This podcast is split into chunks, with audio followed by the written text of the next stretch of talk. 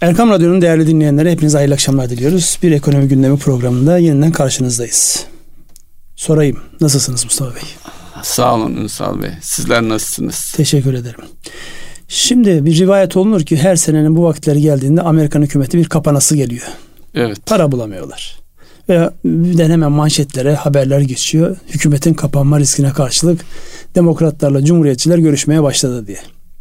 Şimdi senaryo şu. Dünyanın en borçlu e, hükümeti Amerikan federal hükümeti. 27 trilyon dolar borcu var. 27 trilyon dolar borcunun vakti gelenler ödeyebilmesi için ilave borçlanması gerekiyor. Zaten problem de buradan başlanıyor. İlave borçlanmasına müsaade edelim mi, etmeyelim mi? Borç limitinin arttırılmasıyla alakalı. Nedir bu hikaye? Yani her sene aynı şeyi dinliyoruz. De bir şey çıkmıyor yani. Her defasında da anlaşıyorlar. Evet. Üstelik e, para da basabilirler yani.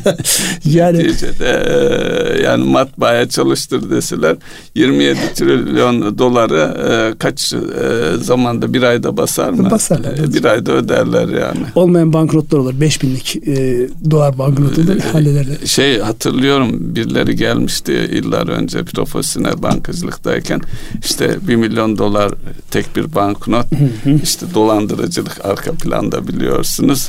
Evet. İşte bunu daha ucuz bir şeye e, Tahvil edelim, tahvil edelim e, ve bank olarak da siz alır mısınız diye Evet. gelen tipler vardı yani. Alsaydınız. Efendim? Alsaydınız diyorum. Şimdi bakalım piyasalara. Piyasalara baktığımızda bu hafta en önemli şey petrol fiyatlarının tabii 80 doların üzerinde olması. 83, 84, 85 oralarda geziniyor. Bu bizi çok etkiliyor. Onun ötesinde de özellikle Türkiye'nin bir tekstil ülkesi olduğunu yani konfeksiyonundan e, büyük markalı markalara kadar hem kendi markalarını üreten hem de büyük markalar üretim yapan bir ülke olarak pamuk fiyatlarındaki bu artış nereye gider diye ben size sorayım. Çünkü Amerika ve Çin pamuk stoklarını arttırıyor ve dünyada pamukla alakalı bir tedirginlik başlamış vaziyette.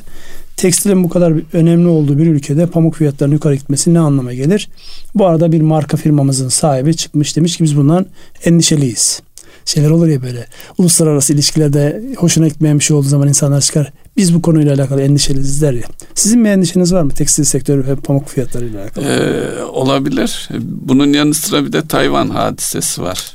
Çip. Ta- e, tip çipten e, pay, e, Vietnam hadisesi e, yanlış söyledim Ünsal Bey. Vietnam'da bize rakip seviyede tekstil ürünü üreten bir ülke. Orada da yaklaşık 2-3 milyon insan bu e, daha önce sert bir kapanma yaşamışlar e, Covid nedeniyle. Çin'e benzer bir rejim hüküm sürüyor orada da. Bunu kaldırmışlar ve e, ciddi sayıda insan tekstil işçisi ve tüm sektördeki işçiler köylerine dönmüşler memleketlerine. Bu da yüzde otuz seviyesinde üretimin azalmasına hatta bazı fabrikaların kapanmasına yol açmış. Şimdi e, bu pamuk fiyatları işte bu gelişmeler işte Çin'deki üretimin bizim gibi ülkelere kayması gibi şeyler var. Arka planda acaba bir takım şeyleri yani pamuk toplayarak yine kendi gücünü e, pazarlarını muhafaza etmek gibi arka planda derin bir strateji mi var acaba? Yani mı acaba sorusu bence fazla olmalıdır. Olur yani ben de olsam elimde kaynak fazlası olsa ben de aynı şey yaparım. Hele şu an yani şu an çok net görünen bir şey var.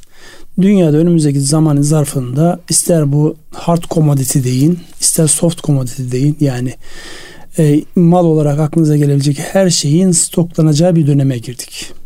Bir taraftan da enteresandır. Hatırlarsanız Amerika Tam zamanında üretimi terk etti diyebiliriz artık. Amerika ve dünya. Çin'in şöyle bir özelliği var. Özellikle Çin bazı e, sanayi, metalik sanayi e, madenlerinde ya da ürünlerinde stok eritmeye gidiyor. Fiyatlar çok yukarı gitti diye. Şimdi bunları böyle yan yana koyduğunuzda e, gerçekten ilginç bir dönem. Biraz bizi hayal mayal 80'li yıllarda hatırlarız stokçuluğun ne menen bir şey olduğunu. O Yüksek kadar olmaz. enflasyon dönemindeki O kadar olmayabilir belki yani e, bizim hatırladığımızla örtüşmeyebilir ama bir stoklama, piyasaya mal vermeme, malı bu anlamda kontrol ederek hatta meyve sebze fiyatları düşmesin diye hatırlarsanız Haliç'e bol bol e, evet, meyve sebze dökülür sebze bizim dökülürdü çocukluğumuzda. Yani manşet 80'li olurdu ara ara gazetelerde ve önlenemezdi de.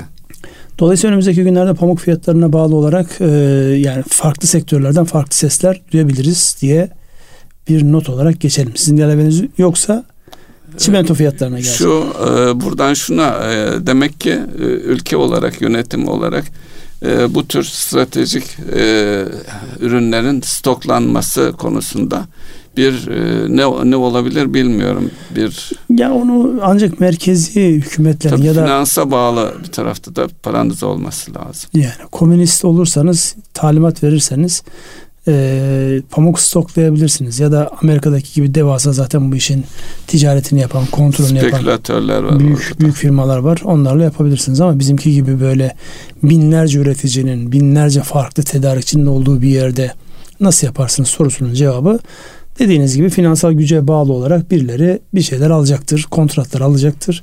O kontratları da zaman içerisinde değerlendirecektir. E, ilginç bir alan yani önümüzdeki dönemde biz bu pamuk fiyatlarını izleyeceğiz gibi gözüküyor.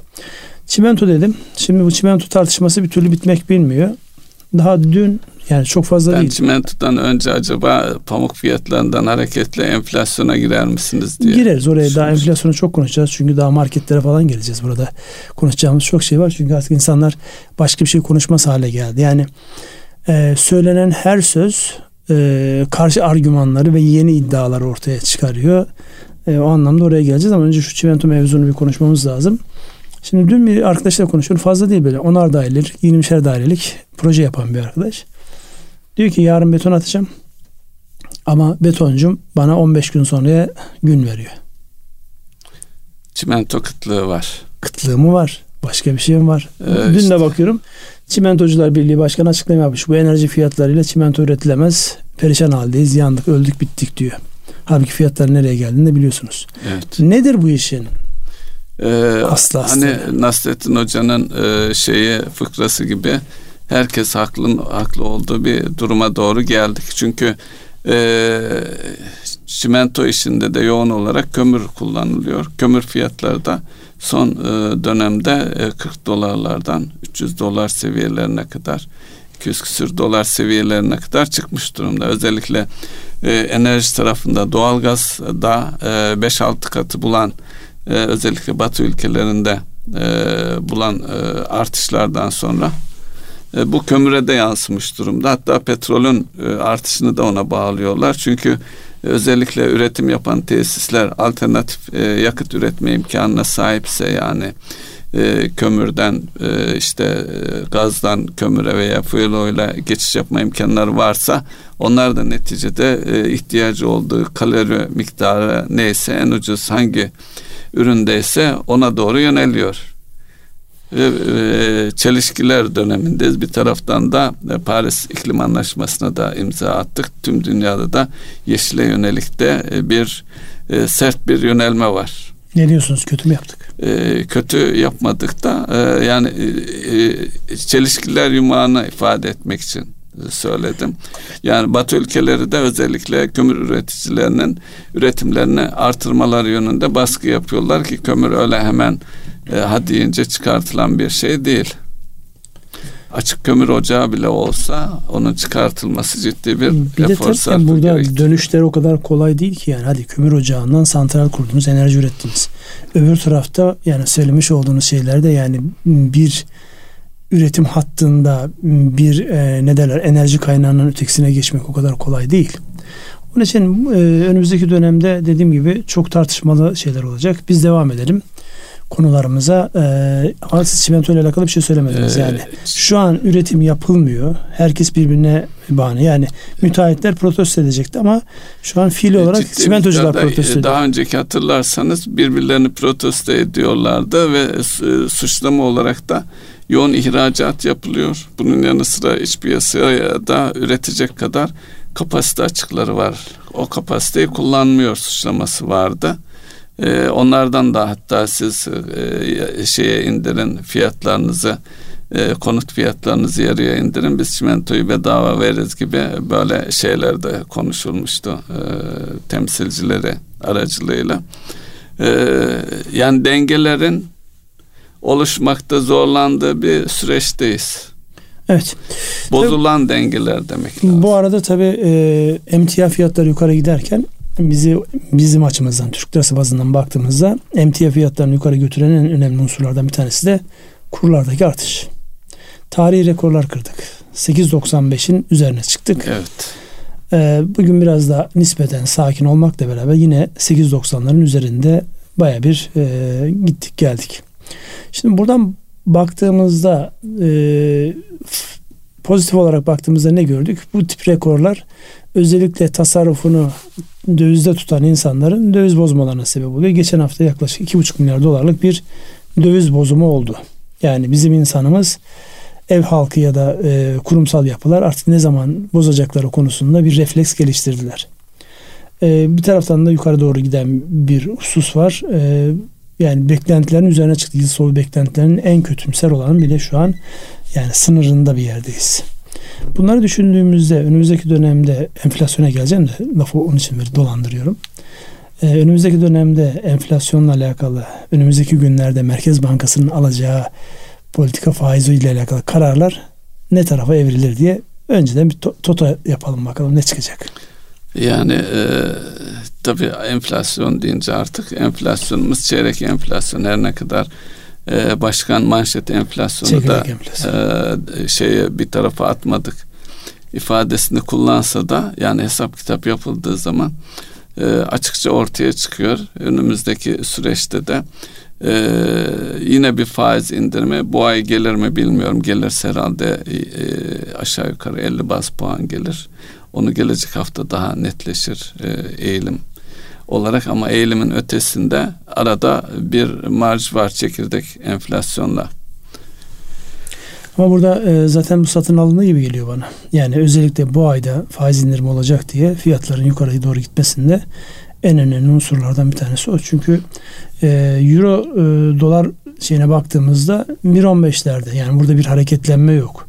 Ama bizim bütün paralara karşı eğer paramız değer kaybediyorsa buradan şu anlam çıkar. Bir taraftan e, politik atmosferin getirmiş olduğu belirsizlikler var. Özellikle bu NATO zirvesinden sonra e, kafalar bir hayli karıştı. Yani Türkiye'nin işte tekrar e, Rusya ile ilişkileri sıkılaştırması, e, özellikle Amerika'ya karşı oluşan bloklarda dirsek temasları gibi böyle hususlar zaten dış politika ile alakalı kafalar karıştı. Bir de içeride bunun yansıması olarak içeride de çok yoğun bir şekilde işte e, ittifaklar nasıl olacak, kim aday olacak, işte e, muhalefet partilerinden bir tanesi ben başbakanlığa hazırım diye bir açıklama yaptı. Başbakanlığı olabilmesi için komple sistemin değişiyor olması lazım. Anayasa değişikliğine ihtiyaç var. Böyle bir sürü söz dolaşıyor. Ve akşamları e, çok az seyretmekle beraber televizyona baktığımda artık insanlar ciddi ciddi e, seçim sanki belli olmuş da onu tartışıyor gibi bir hava var. Bu hava ekonomik anlamda bize ne getirir sorusunu sorayım. Yani bunları tartışıyor olmak bir iş adamı olarak, bir girişimci olarak, girişimcilere destek veren bir danışman olarak sizin açınızdan baktığımızda ne getiriyor? Yani insanlar bunları tartıştığında e, bunları seyreden girişimci, aa ben yarın yatırım yapayım diyor. Ne diyor? Ee, bir, bir buçuk yıldan fazla bir zaman var seçime. Bu tartışmalar insanlardaki içerideki belirsizliği de artırır ve e, yatırım yapacaksa bir bekleyelim şeyi ağırlık basar. Dolayısıyla hoş bir şey değil. Yani e, seçimlerin ekonomiye çok fazla etkilemeyeceği bir e, sürece girmeliyiz aslında. Yani Türkiye'nin e, ne bileyim bir batı ülkesinde e, tamam her ülkede seçimler mutlaka ekonomiyi etkiler ki Amerika'da da son dönemde yaşadık. E, radikal temelde bir takım değişimler de getirebilir. Ancak e, bunun ötesinde tabii e, şimdi öyle bir e, siyasi açıdan bakınca velev ki seçim oldu, velev ki e, muhalefet kazandı Böyle dediğiniz zaman işte yeni sisteme geçişti, şuydu buydu. Türkiye'nin en az bugün seçimi olsa e, rayların yan, yerine oturması, işte başbakan güçlendirilmiş parlamenter sistem falan vesaire velev ki olsa 3 yıl e, ne olduğu belli olmayan yani bir nevi kaos ortamı gibi bir şey e, doğar diye düşünüyorum veya herkesin beklendiği çok fazla bir şey yapmadı ve kimsenin e, ne ekonomiyle ne şunlar ne bununla çok da umurunda olmadığı bir süreç yaşanabilir tehlikesi var. Yani oradan ötesi yani seçim olması değil seçimin konuşuluyor olması özellikle evet, girişimciler açısından Yani ne çıkacağını yani konuşulanların da arka planını düşünüp masaya yatırıldığı zaman yani ne oluyoruz diye kimse de kendisine bu soruyu sormuyor yani. Tamam o soruyu soruyor ama şimdi muhalefetin vazifesi biliyorsun. Yani iktidarı sıkıştırmak. İktidarın e, vazifesi de e, yani hem bir taraftan icraatıyla e, oy verecek olanları etkilemek, öbür taraftan da muhalefetin ortaya koymuş olduğu argümanlara işte, karşı argümanlar geliştirmek. Şimdi öyle bir noktaya girdik ki herkes seçimi konuşuyor. zannetmek desek daha doğru olur yani. Ya Çünkü zannet ama gündem koyduk. o ya. Şu evet. an gündem yoğun bir şekilde o. Şimdi biz de ağırlıklı olarak iş dünyasındayız. Yani şimdi ister çalışan olun, ister işveren olun. Seçim olur mu diye soruluyor mesela. Her gün soruluyor. Ve eğer bu ihtimal varsa bu ihtimal yani bir rivayete göre 22 2022'nin Kasım'ında bir rivayete göre normal zaman olan 2023'ün Haziran'ında. Yani 2022'nin Kasım'ında ya da Haziran'da olması neyi değiştirir? O siyasetçilerin yapacağı iş. Ama iş dünyasına baktığımızda eğer bir sene sonrasında seçim olacağı ile alakalı bir şey varsa yani bunun konuşuluyor olmasının ülkeye nasıl bir e, negatif etkisinde olduğunu anlatmaya Maliyeti çalışıyor. olacak evet. Olacak değil oluyor şu an zaten. Yani baktığımızda şu an çok ciddi bir şekilde insanlar yani e, uzun vadeli düşünmekten imtina ediyorlar. E zaten sizin şu an yatırım maliyetleriniz almış başını gitmiş. Politika faizinin e, kredi faizlerine ya da hadi faiz kullanmayanlar için de bunun bir e, finansman maliyeti var. E, bunlar baktığımızda zaten insanların yatırım yapmakta çok iştahsız olduğu bir dönemde böyle bir tartışmayı başlatmak kime ne sağlar sorusunu ben size sormuş olayım. Siz de e, ama siz hemen açtınız seçimleri açtınız. Güçlendirilmiş parlamento yani e, seçim oldu. Şunu demek istiyorum. Bitmiyor. E, ve arka e, peşine koydukları takvim e, Türkiye'nin en az 2-3 yıllık bir e, belirsizlik. İşte velev ki e, anayasa değişikliğini sundunuz halka kabul görmedi filan filan. Evet neyse bu konuyu e, tekrar biz gündeme gelelim. Yani günümüzde şu an yapılan siyasi tartışmalar özellikle e, seçimin önceliklenmesi, işte karşılıklı argümanların ortaya konması biraz e, günlük e, meseleleri konuşmamızı sanki engelliyor gibi. Bilinçli olarak da yapılıyor olabilir yani bunların iletişim e, stratejileri çok ilginçtir. Yani günlük meseleleri konuşmak eğer e, işinize gelmiyorsa onu daha böyle geniş çaplı bir e, şeye taşıyabilirsiniz. Bunu kim yapıyor sorusunun cevabında çok kestiremiyoruz ama herkes böyle bu tarafa bu gündeme malzeme taşıyor. Taşımaya da devam edecek gözüküyor. Şimdi biz yine e, gelelim e, başlıklarımıza. Geçtiğimiz hafta e, Bloomberg'un yapmış olduğu tüketici güven endeksinde bir aşağı bir şey vardı ama TÜİK'in yapmış olduğu açıklamada da tüketici güven endeksinde bir artış var. Şimdi e, ben size sorayım. Siz de bana sorabilirsiniz. Bir tüketici olarak güven endeksine oy verecek olsanız, ankete katılıyor olsanız ne söylersiniz? Yani oradaki argümanlar hatırlıyorsunuz işte gelecekle alakalı ekonomik kaygılar, işte işinizle alakalı, tasarruf etmekle alakalı temel başlıklar vardı. Yani sizin şu anki e, birey olarak psikolojiniz nedir? Bunun diğer insanlarda gözlemlediğiniz e, nedir? Bugün radyoya gelirken hemen arkadaşlar yani bu fiyatları konuşacak mısınız diye bir e, girizgah yaptılar. Aldı başını gidiyor ee, fiyatlar diye. Şu var e, herkesin içinde bulunduğu gerçekler belirleyici bir kere. Son dönemde yaşadığımız enflasyondaki yaşanan gelişmeler işte çarşı pazar gıda fiyatları herkesin gündeminde. Bir tarafta da gelirler var.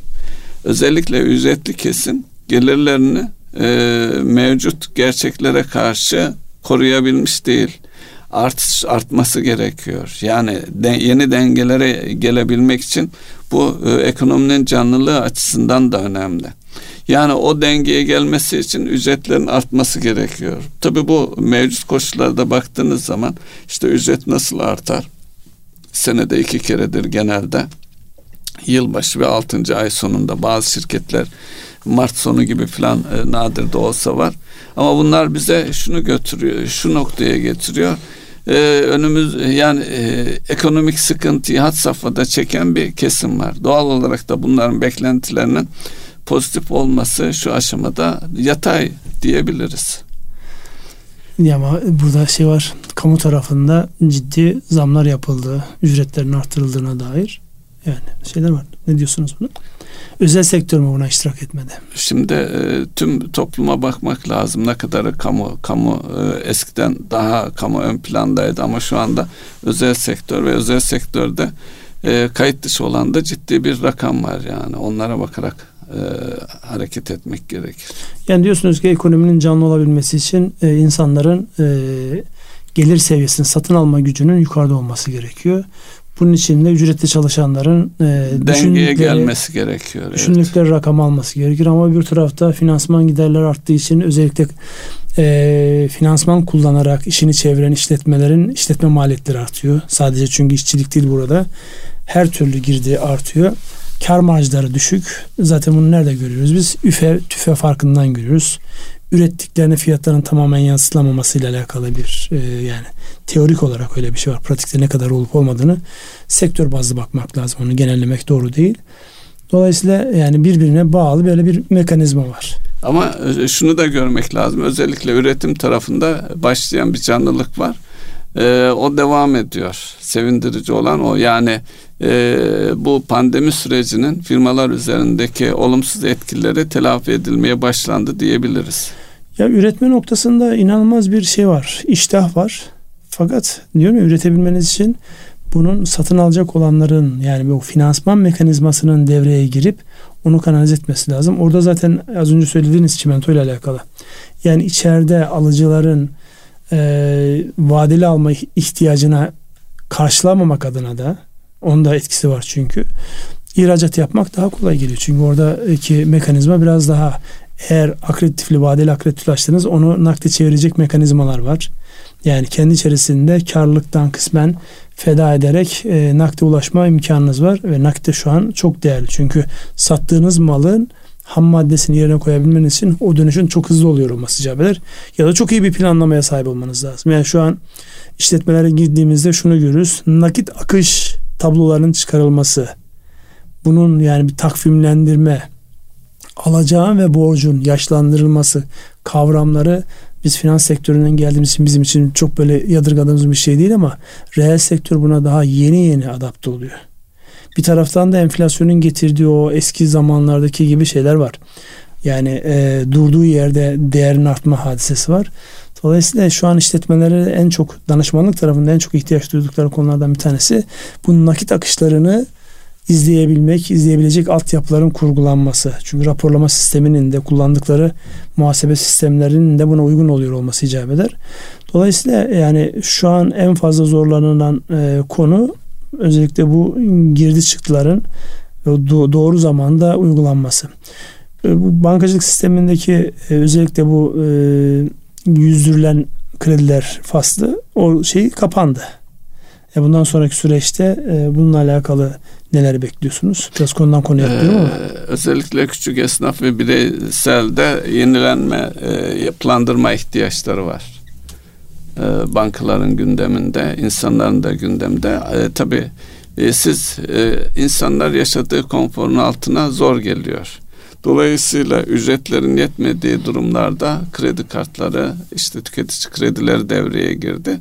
Ancak sizin ücretinizin de e, o kredileri ödeyecek seviyede olması ve zaman içerisinde yükselmesi gerekir. Hı hı. Bu olmadığı zaman ya uzatacaksınız ya da e, ödemeye, ödeyemeyeceksiniz ve e, takiple karşı karşıya kalınabilir. Oralarda da sıkıntı yaşıyoruz.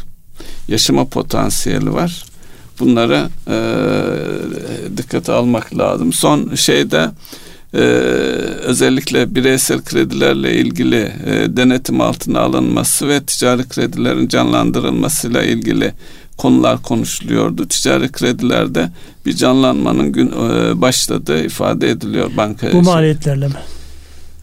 E, aşağı yukarı bir puan filan e, faizlerde gerileme söz konusu özellikle kamu bankalarında bu Merkez Bankası'nın kararından sonra bir puan civarında ticari kredilerde e, geri oranların geri geldiği noktasında ifadeler var.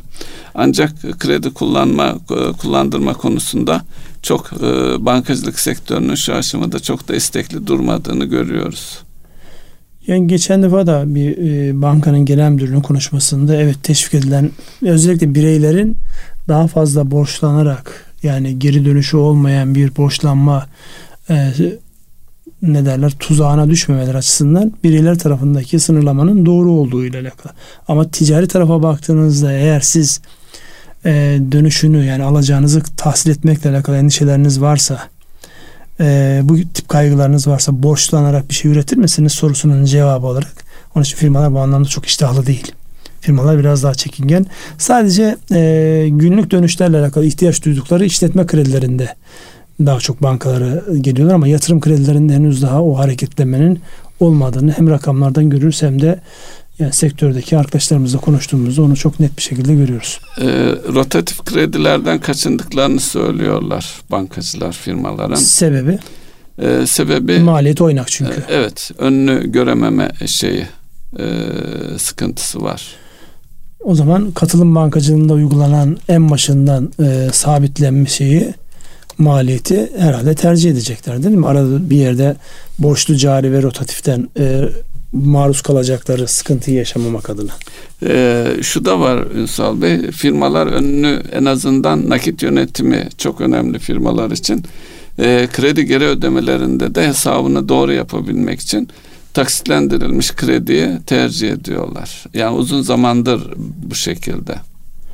Şimdi siz konuşurken bir taraftan da ben BDDK verilerine bakıyorum. Şimdi BDDK'nın yayınlamış olduğu son veriye göre mevduatla kredi kafa kafaya gelmiş. Halbuki biz şunu e, hep konuşurduk.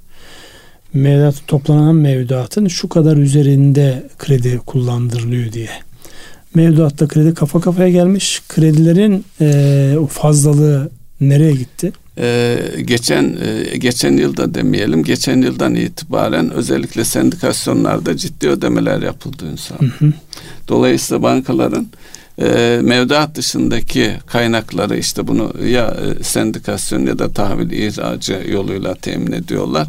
Oralarda geri, geri ödemeler yapıldı. Borçluk azaldı. E, dolayısıyla e, bilançolarda da e, mevduatla e, krediler arasındaki makas kapandı diyebiliriz. Şimdi şöyle rakamlara baktığımda mevduatla kredi kafa kafaya gelmiş. Öz kaynaklarla menkul değerler yani bir tarafta borç ama şeyin öz kaynak olarak onunla menkul değerler arasında yaklaşık 500 milyar e, TL gibi bir fark var. Yani demek ki yurt dışından ve diğer kaynaklarda mevduat dışından elde edilen kaynaklar e, bir taraftan işte menkul kıymetlere gitmiş gibi bir görüntü. Yani burada bir e, dengeleme var. Ekonomiyi büyütecek olan e, hadise aslında yani mevduatın en az mevduat kadar ve mevduatın üzerinde diğer ürünlerde kullanarak bir kredi hacminin oluşturulması. Yani şu anki makro rakamlara baktığımızda sanki bu hacim şu an itibariyle oluşturulmuyor. Yani herkes bir beklenti, bir e, neyi bekliyorsa o beklenti içerisinde zamanı dolduruyor gibi. Yalnız bu e, makasın kapanmasının e, önümüzdeki süreç için olumsuz şeyler de olabilir sonuçları. Neticede eğer bank olarak sizin tek kaynağınız e, mevduatsa e, Türkiye'deki mevduatın ortalama vadesi biliyorsunuz 45 gün 2 ayı bulmayan bir vadede buna karşılık kredi vadesi bir yıldan uzun iki yılla varan vadeler söz konusu. Dolayısıyla siz bankanın nakit yönetim açısından sürdürülebilirliği sağlamak için bir mevduat faiz yarışı başlayabilir. Şimdi orada onun için e, buyurun. Bunu bunu çok böyle teyit etmeyen belki şeyden kaynaklanıyordur ağırlıklı olarak dövizden kaynaklanıyor olabilir ki yani rakamlara baktığımda gerçekten öyle. Yani toplam 3.9 trilyon e, TL bir şey var. E, mevduat rakamı var. Bunun e, toplama baktığımızda 1.3'ü yani üçte biri vadesizde duruyor. Ve vadesizin de neredeyse e, %80'i yabancı para. Yani şöyle yabancı para üzerinden tasarruf eden insanlar vadeli de beklemiyor. Vadeli yatırmıyor. Çünkü oradaki elde edeceği gelirin kur gelirinden ile karşılaştırdığında çok alt seviyelerde kalacağı düşüncesiyle vadesizde tutuyor. Yani şu anlama geliyor. Siz e, toplam kaynakların mevduat kaynağının üçte biri vadesiz olan üçte biriyle kredi kullandıracaksınız. Aslında bankacılık evet. bu anlamda çok ince böyle bir bıçak sırtı evet. da gidiyor. Zor yani bu anlamda baktığımızda. Yani bu rakamlar enteresan. E, zaman içerisinde böyle bir evrilme olmuş. Halbuki biliyorsunuz biz bu programları yaparken zaman zaman konuşuyorduk. Mevduatın krediye dönüşme oranı yani mevduat aşağıda kalıyordu. Bir de üzerinden yurt dışından borçlanarak evet. kredi kullandırıyordu. Şu an bankacılık sektörü o noktada değil. Yani onu çok net görüyoruz.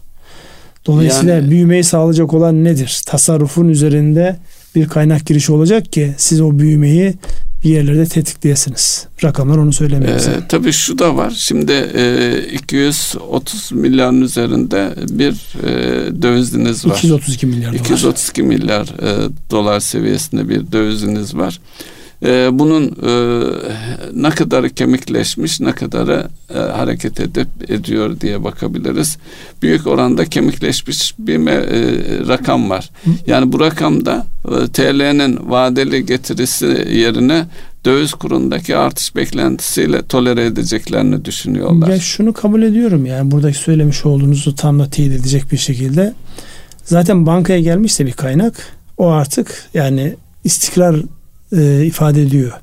Fakat onun vadeye bağlanmayıp e, para cinsine bağlı olarak yabancı para olarak tutulması ve vadesiz tutulmuş olması burada insanların bir e, hani e, bakış açılarında bir oynaklığın olduğu bir derin oynaklık olabileceği ile alakalı şey. Yoksa zaten bankaya gelmişse o artık oradadır yani. Sadece zaman içerisinde Türk lirasından dövize, dövizden Türk lirasına dönüşleri yaşayabilecek diye düşünmek lazım. Yoksa yani bankacılık sisteminin dışında daha önceden çok ciddi olan e, hacimlerin buraya gelmiş olması da bir stabilite sağlıyor zaten söylediğiniz anlamda.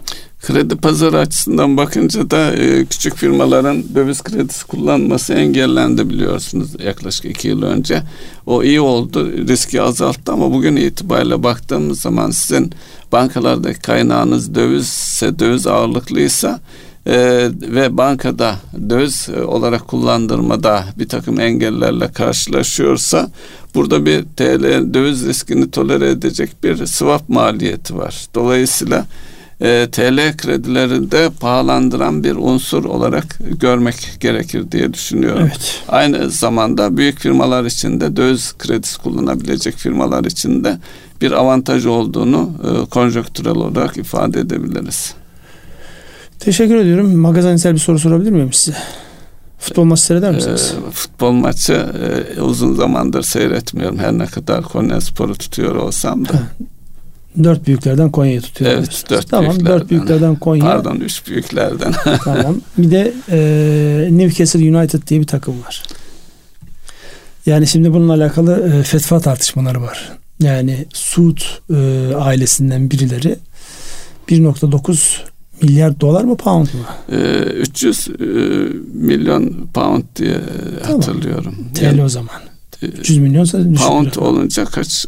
E, Aşağı yukarı doların 1.86 neyse. 500 milyon dolar falan evet. mı olur acaba? Evet. Şimdi burada verilen rakamla baktığımızda e, takım satın almışlar. Bu takımın maçlarını seyretmek caiz midir? Yani neden soruyorum ben bunu? Bu kadar ihtiyacı olan insan varken bir takımın satın alması için verilen şeye ne diyorsunuz? Bir ee, magazinsel bunu biraz daha e, e, netleştirelim isterseniz ve satın aldığı takım hakkında herhangi bir tasarrufu olamayacak. Yönetimi şu bu hiçbir şeyine karışamayacak. Klasik gene takım parası sıkıştı bastırdılar oraya soktular ha, parayı. Dolayısıyla e, böyle bir takım niye alınır e, ve alan bu takım e, benim diyebilir mi? Ve e, dediğiniz gibi e, o bir gün rastlarsam o maç onlarla ilgili veya biz Türk takımlarıyla karşılaşırsa e, seyrederken incineceğimi ifade edebilirim yani. Oo, siz çok öteye götürdünüz ya hadiseyi. Neyse ben bunu magazinsel yani. olarak söyleyeyim. Siz yani e, Suud parasıyla e, ihya edilmiş bir takımla bizim takımlar oynarsa ve oradan yenilirse bugün enteresan bir şeyiniz var. bakış açınız var. Yani olayı hep böyle fütüristik yaklaşarak 3 sene 5 sene sonraya götürüp oradan bu tarafa e, pişmanlık e, ve normal keşkeler mi? Bu, hani üstelik ülkenin varlık fonu satın Ama bu bir gerçek ya. Benim aslında bunun dikkat çekmek istediğim hadise buydu zaten.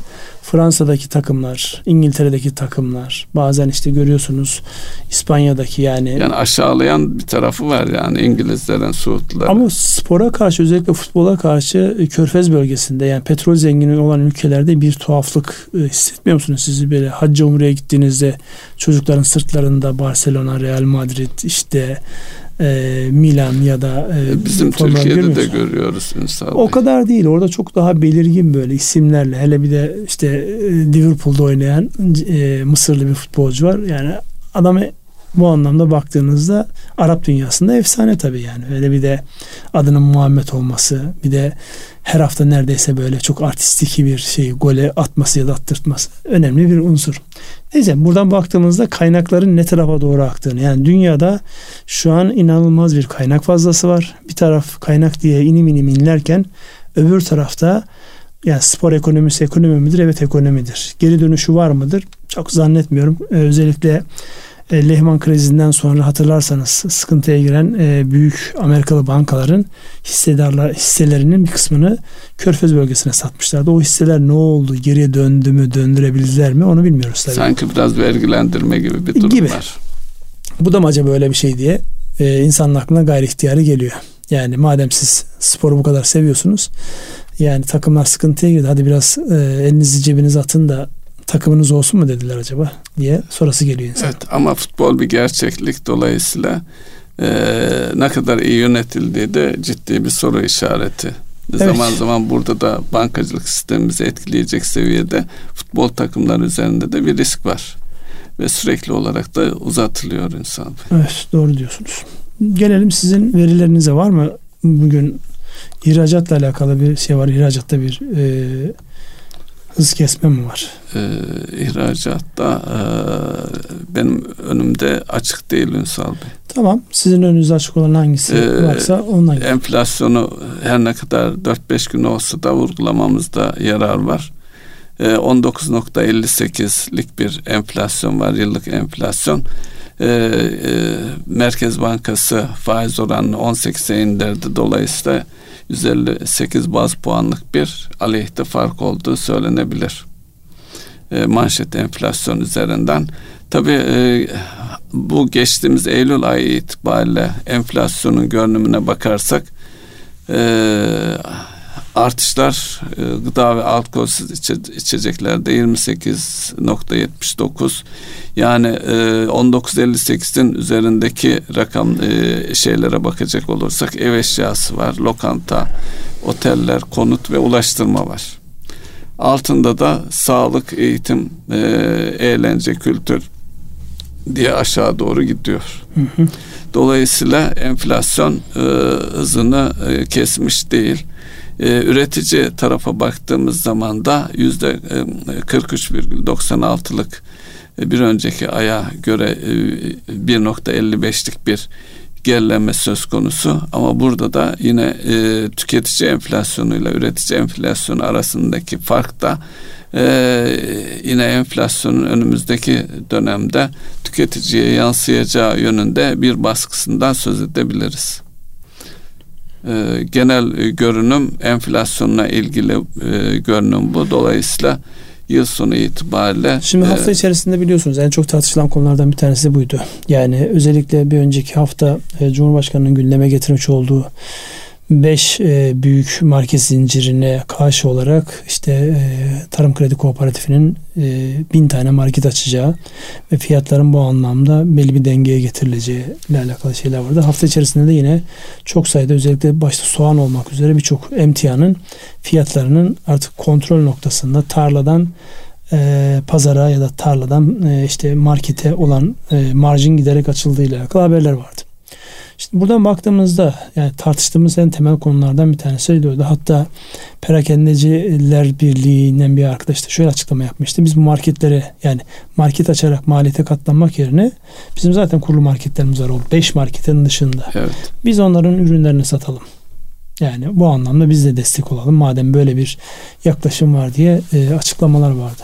Şimdi bu tartışmalardan yani ne çıkar, nereye varır? Yani sonucu değiştirmiyor. Netice itibariyle şu an rekabet kurulu e, incelese dahi bu marketlerle alakalı bir e, şey yapsa dahi netice itibariyle markete gittiğinizde alıyorsunuz ve o fiyatlardan alıyorsunuz. Bu tartışmalardan ne çıkacağına dair sizin bir şeyiniz var mı? Özellikle bu bin tane market açılma mevzu ne kadar dengeler fiyatları? Bir de orada açılacak olan marketlerin spesifik bazı ürünler sattıkları ve bunlar da Yani özelliklerinden dolayı işte organik e, ya da doğal ürünler olduğu için fiyatları diğerlerine göre daha pahalı gibi bir e, eleştiri var. Sizin bu anlamda bir gözleminiz var mı? Ee, gözlemim benim de o marketlere daha önce birkaç kez uğradım e, ve çok fiyat farkı görmedim. Bunu açıkça söyleyebilirim. Burada e, şimdi enflasyon fiyatlar yönüyle marketlere e, dönüp bakıyoruz. Ama aslında mesela özellikle gıda e, da, daha önce de konuştuk ve Türkiye'nin önündeki en büyük sorunlardan biri de tarladan e, son tüketiciye kadar gelen zincirde ciddi miktarda e, e, şey pire var. Evet. Hele hele e, meyvelerde bu yüzde elliye kadar varıyor. Sebzelerde yüzde yirmi beş seviyelerinde. Zaten üretim açısından bakıldığında yani fiyat elastikiyeti noktasında bakıldığında eğer biz bu şeyi e, zinciri e, sağlıklı bir şekilde yani fireyi e, azaltacak bir takım tedbirler alabilsek aslında fiyatı da otomatikman kontrol etmiş olabiliriz. Yani burada e, sadece rekabet e, unsuru olarak yeni bir market zincirinin kurulmasının çok fazla etki doğuracağını düşünmüyorum. Sadece şu olur. Bin marketle e, dolayısıyla kamunun ko- kooperatiflerin elinde bir market zinciri daha inşa etmiş olursunuz. Onun da piyasa değeri ne eder Ünsal Bey e, en azından? Ya bir şey olarak yani kolay bir unsur değil. Yani, bir milyarlık bir, bir e, hisse değerine ulaşır mı? Ulaşır zaman içerisinde. Mesela ulaşır yakın bir yerde market vardı baktığımda yani ciddi bir yatırım maliyeti var yani şey değil. Böyle discount market formatında değil. Değil yani. normal market gibi normal görünüyor. market formatında olduğu için tabii ekonomik anlamda bir karşılığı var mıdır? Olacaktır muhakkak. Yani insanlar oraya ilgi gösteriyorsa alaka gösterirse karşılık olacaktır ama bunun o söylemiş olduğumuz anlamda fiyatlar genel seviyesini yani enflasyonu regüle etme noktasında katkısı ne olur sorusunun cevabını ben çok açık ve net bir şekilde şey diyemiyorum. Evet yani şöyle olur diyemiyorum. Netice itibariyle bir maliyet unsuru var burada. Dolayısıyla onu e, o şekilde değerlendirmek lazım. Şimdi yavaş yavaş programın sonuna doğru gelirken ben bir taraftan da önümüzdeki hafta gündeme gelecek yani önümüzdeki hafta daha da gündeme gelecek e, para politikası kurulunun toplantısına kadar bir tartışmanın nelere sebep olacağıyla alakalı önümde bir ekranı açtım. Şeylere baktım. Mesela ülkelerin politika faiz oranı ve enflasyon oranlarına baktığımda birkaç tane böyle dikkat çeken unsuru ben size söylemiş olayım. Mesela e, Amerika Birleşik Devletleri'nde politika faiz oranı 0.25. Enflasyon 5.30. Çin'de politika faiz oranı 3.85, enflasyon 0.80. Ee, Avrupa bölgesinde Politika faiz oranı 0, enflasyon 3.40. Aşağı geliyorum. Almanya zaten Avrupa'nın bir yansıması. İngiltere'de 0.10'la 3.20. Ee, bize yakın olarak daha önceden aynı sepette e, değerlendirdiğimiz mesela Rusya'ya baktığımda Rusya'daki politika faiz oranı 7 6.75 e, e, enflasyon oranı 7.40. Ya burada bir şey var. Yani bunu söyleyince e, böyle yani oranlarla politika faiz oranlarıyla enflasyon arasında birebir korelasyon yok. Şimdi e, e, gerçek para politikasıyla şeyin e, pandeminin etkisini azaltmak üzerine her tarafı paraya boğdu merkez bankaları. Şimdi e, ortaya çıkan enflasyon ve son dönemdeki ekonomik toparlanmayla şunu iddia ettiler halen de ediyorlar. Bu enflasyonun geçici olduğu yönünde öngörüler dolayısıyla kontrol altında. Enflasyonun olması da biraz ekonomiyi canlandırdığı için çok fazla e, ses çıkarmıyorlar. Ancak şu anda enflasyonun sanki e, geçici olmadığı yönünde e, şeyler, konuşmalar yapılmaya başlandı. Eğilim enflasyonu kontrol altına almamız gerekir noktasına geldiğinde faizlerin hızlı bir şekilde yukarıya e, taşınma riski var. Eğer öyle bir şey söz konusu olursa bizim gibi e, e, paraya ihtiyaç duyan ülkelerin de bundan etkilenmesi özellikle e, söz konusu. Şimdi burada iki büyük ekonomideki görüntü çok enteresan. Bir tanesinde enflasyon düşük, faiz oranı yüksek. Yani Çin öyle bir görüntü veriyor. 0.80'e 3.85. Amerika'da tam tersi 0.25 politika faiz oranı enflasyonun 5.30. Şimdi buradan baktığımızda farklı dinamikleri dikkate alıyorlar. Yani sadece politika faiz ile doğrudan enflasyon arasında birebir korelasyon var gibi durmuyor burada.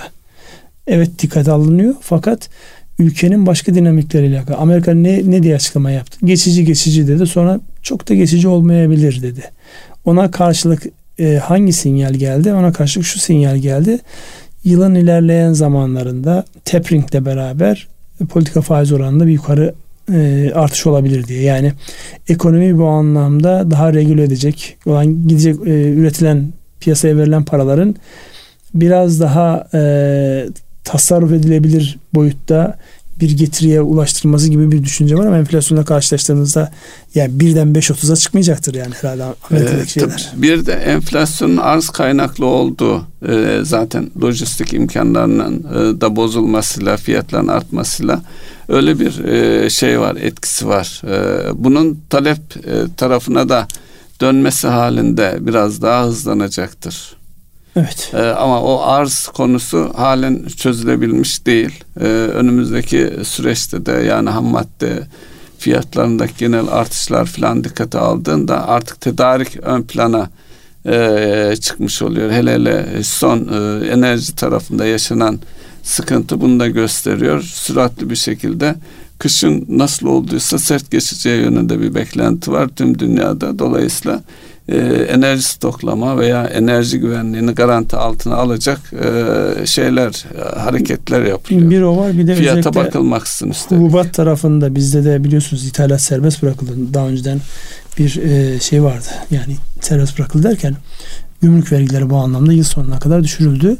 Yani dünyanın genelinde özellikle hububatla alakalı, başta hububatla alakalı e, emtia fiyatlarının ve arzındaki zorluk yaşanacağı düşüncesiyle şimdiden tedbirler alınmaya çalışıyor. Ama öbür tarafta mesela özellikle kuzeyle iş yapan e, yani Rusya ile ve e, Kazakistan'la iş yapan insanlara soruyoruz. Yani belli bir tarihten sonra zaten nehirler dolduğu için isteseniz de zaten oradan herhangi bir şey tedarik edemiyorsunuz. Çok uzun zamana yayılıyor gibi yorumlar aldım ben. E, dolayısıyla yani önümüzdeki günlerde bu arz bazlı ya da maliyet bazlı enflasyonun yukarı itileceği bunun da hükümetlerin ve merkez bankalarının çok ciddi anlamda kararlar alırken zorlayacağı gibi bir görüntüyü çok net bir şekilde ortaya e, yani görüyoruz. Nasıl olacağını da beraber yaşayıp hep birlikte göreceğiz. Ama görünen şu ki biz özellikle petrol fiyatlarının yukarı gitmesi, emtianın yukarı gitmesi dövize olan ihtiyacımızı arttırıyor. Buna karşılık döviz üretebilecek, rezervimizi arttıracak e, çalışmaların da olduğu bir dönemdeyiz. Dolayısıyla ithalatı karşılama oranı, ihracatın ithalatı karşılama oranı da başta olmak üzere yani önümüzdeki günlerde farklı başlıkları değerlendireceğiz gibi gözüküyor. Evet zamanımız ilerliyor. Önümüzde bir üç dakikamız var. Ne konuşmak istersiniz? Ee, ben de bir e, magazin tarafından bir şey söyleyeyim. E, IMF Bank, e, Başkanı e, hanımefendi e, ile ilgili bir şaibe söz konusu. Amerikan Ticaret Bakanlığı'nın sanıyorum istifasını isteyebileceği yönünde. Olay da şu, Dünya Bankası Başkanı iken e, Çin lehine rakamlarda, politikalarda manipülasyon yaptı. Dolayısıyla burada demek ki e, e, tüm dünyayı etkileyebilecek e, Dünya Bankası, IMF bu tür örgütlerin belli ülkeler lehine e, her şeyi yapabildiği yönünde bir gerçeklik de Onun ötesinde çıkıyor. iki tane FED başkanı Amerika'daki biliyorsunuz kaç tane 13 tane zannedersem FED var yani eyaletlere bağlı olarak iki tane FED başkanı istifa etti. Onların istifa etme gerekçeleri de bulundukları konumu e, istismar etmeleriyle alakalı bir hadise. Birisi çok yoğun bir şekilde döviz işlemleri yapıyor. Yani normal bir o konumdaki bir insanın yapmayacağı sıklıkla döviz işlemleri yapıyor.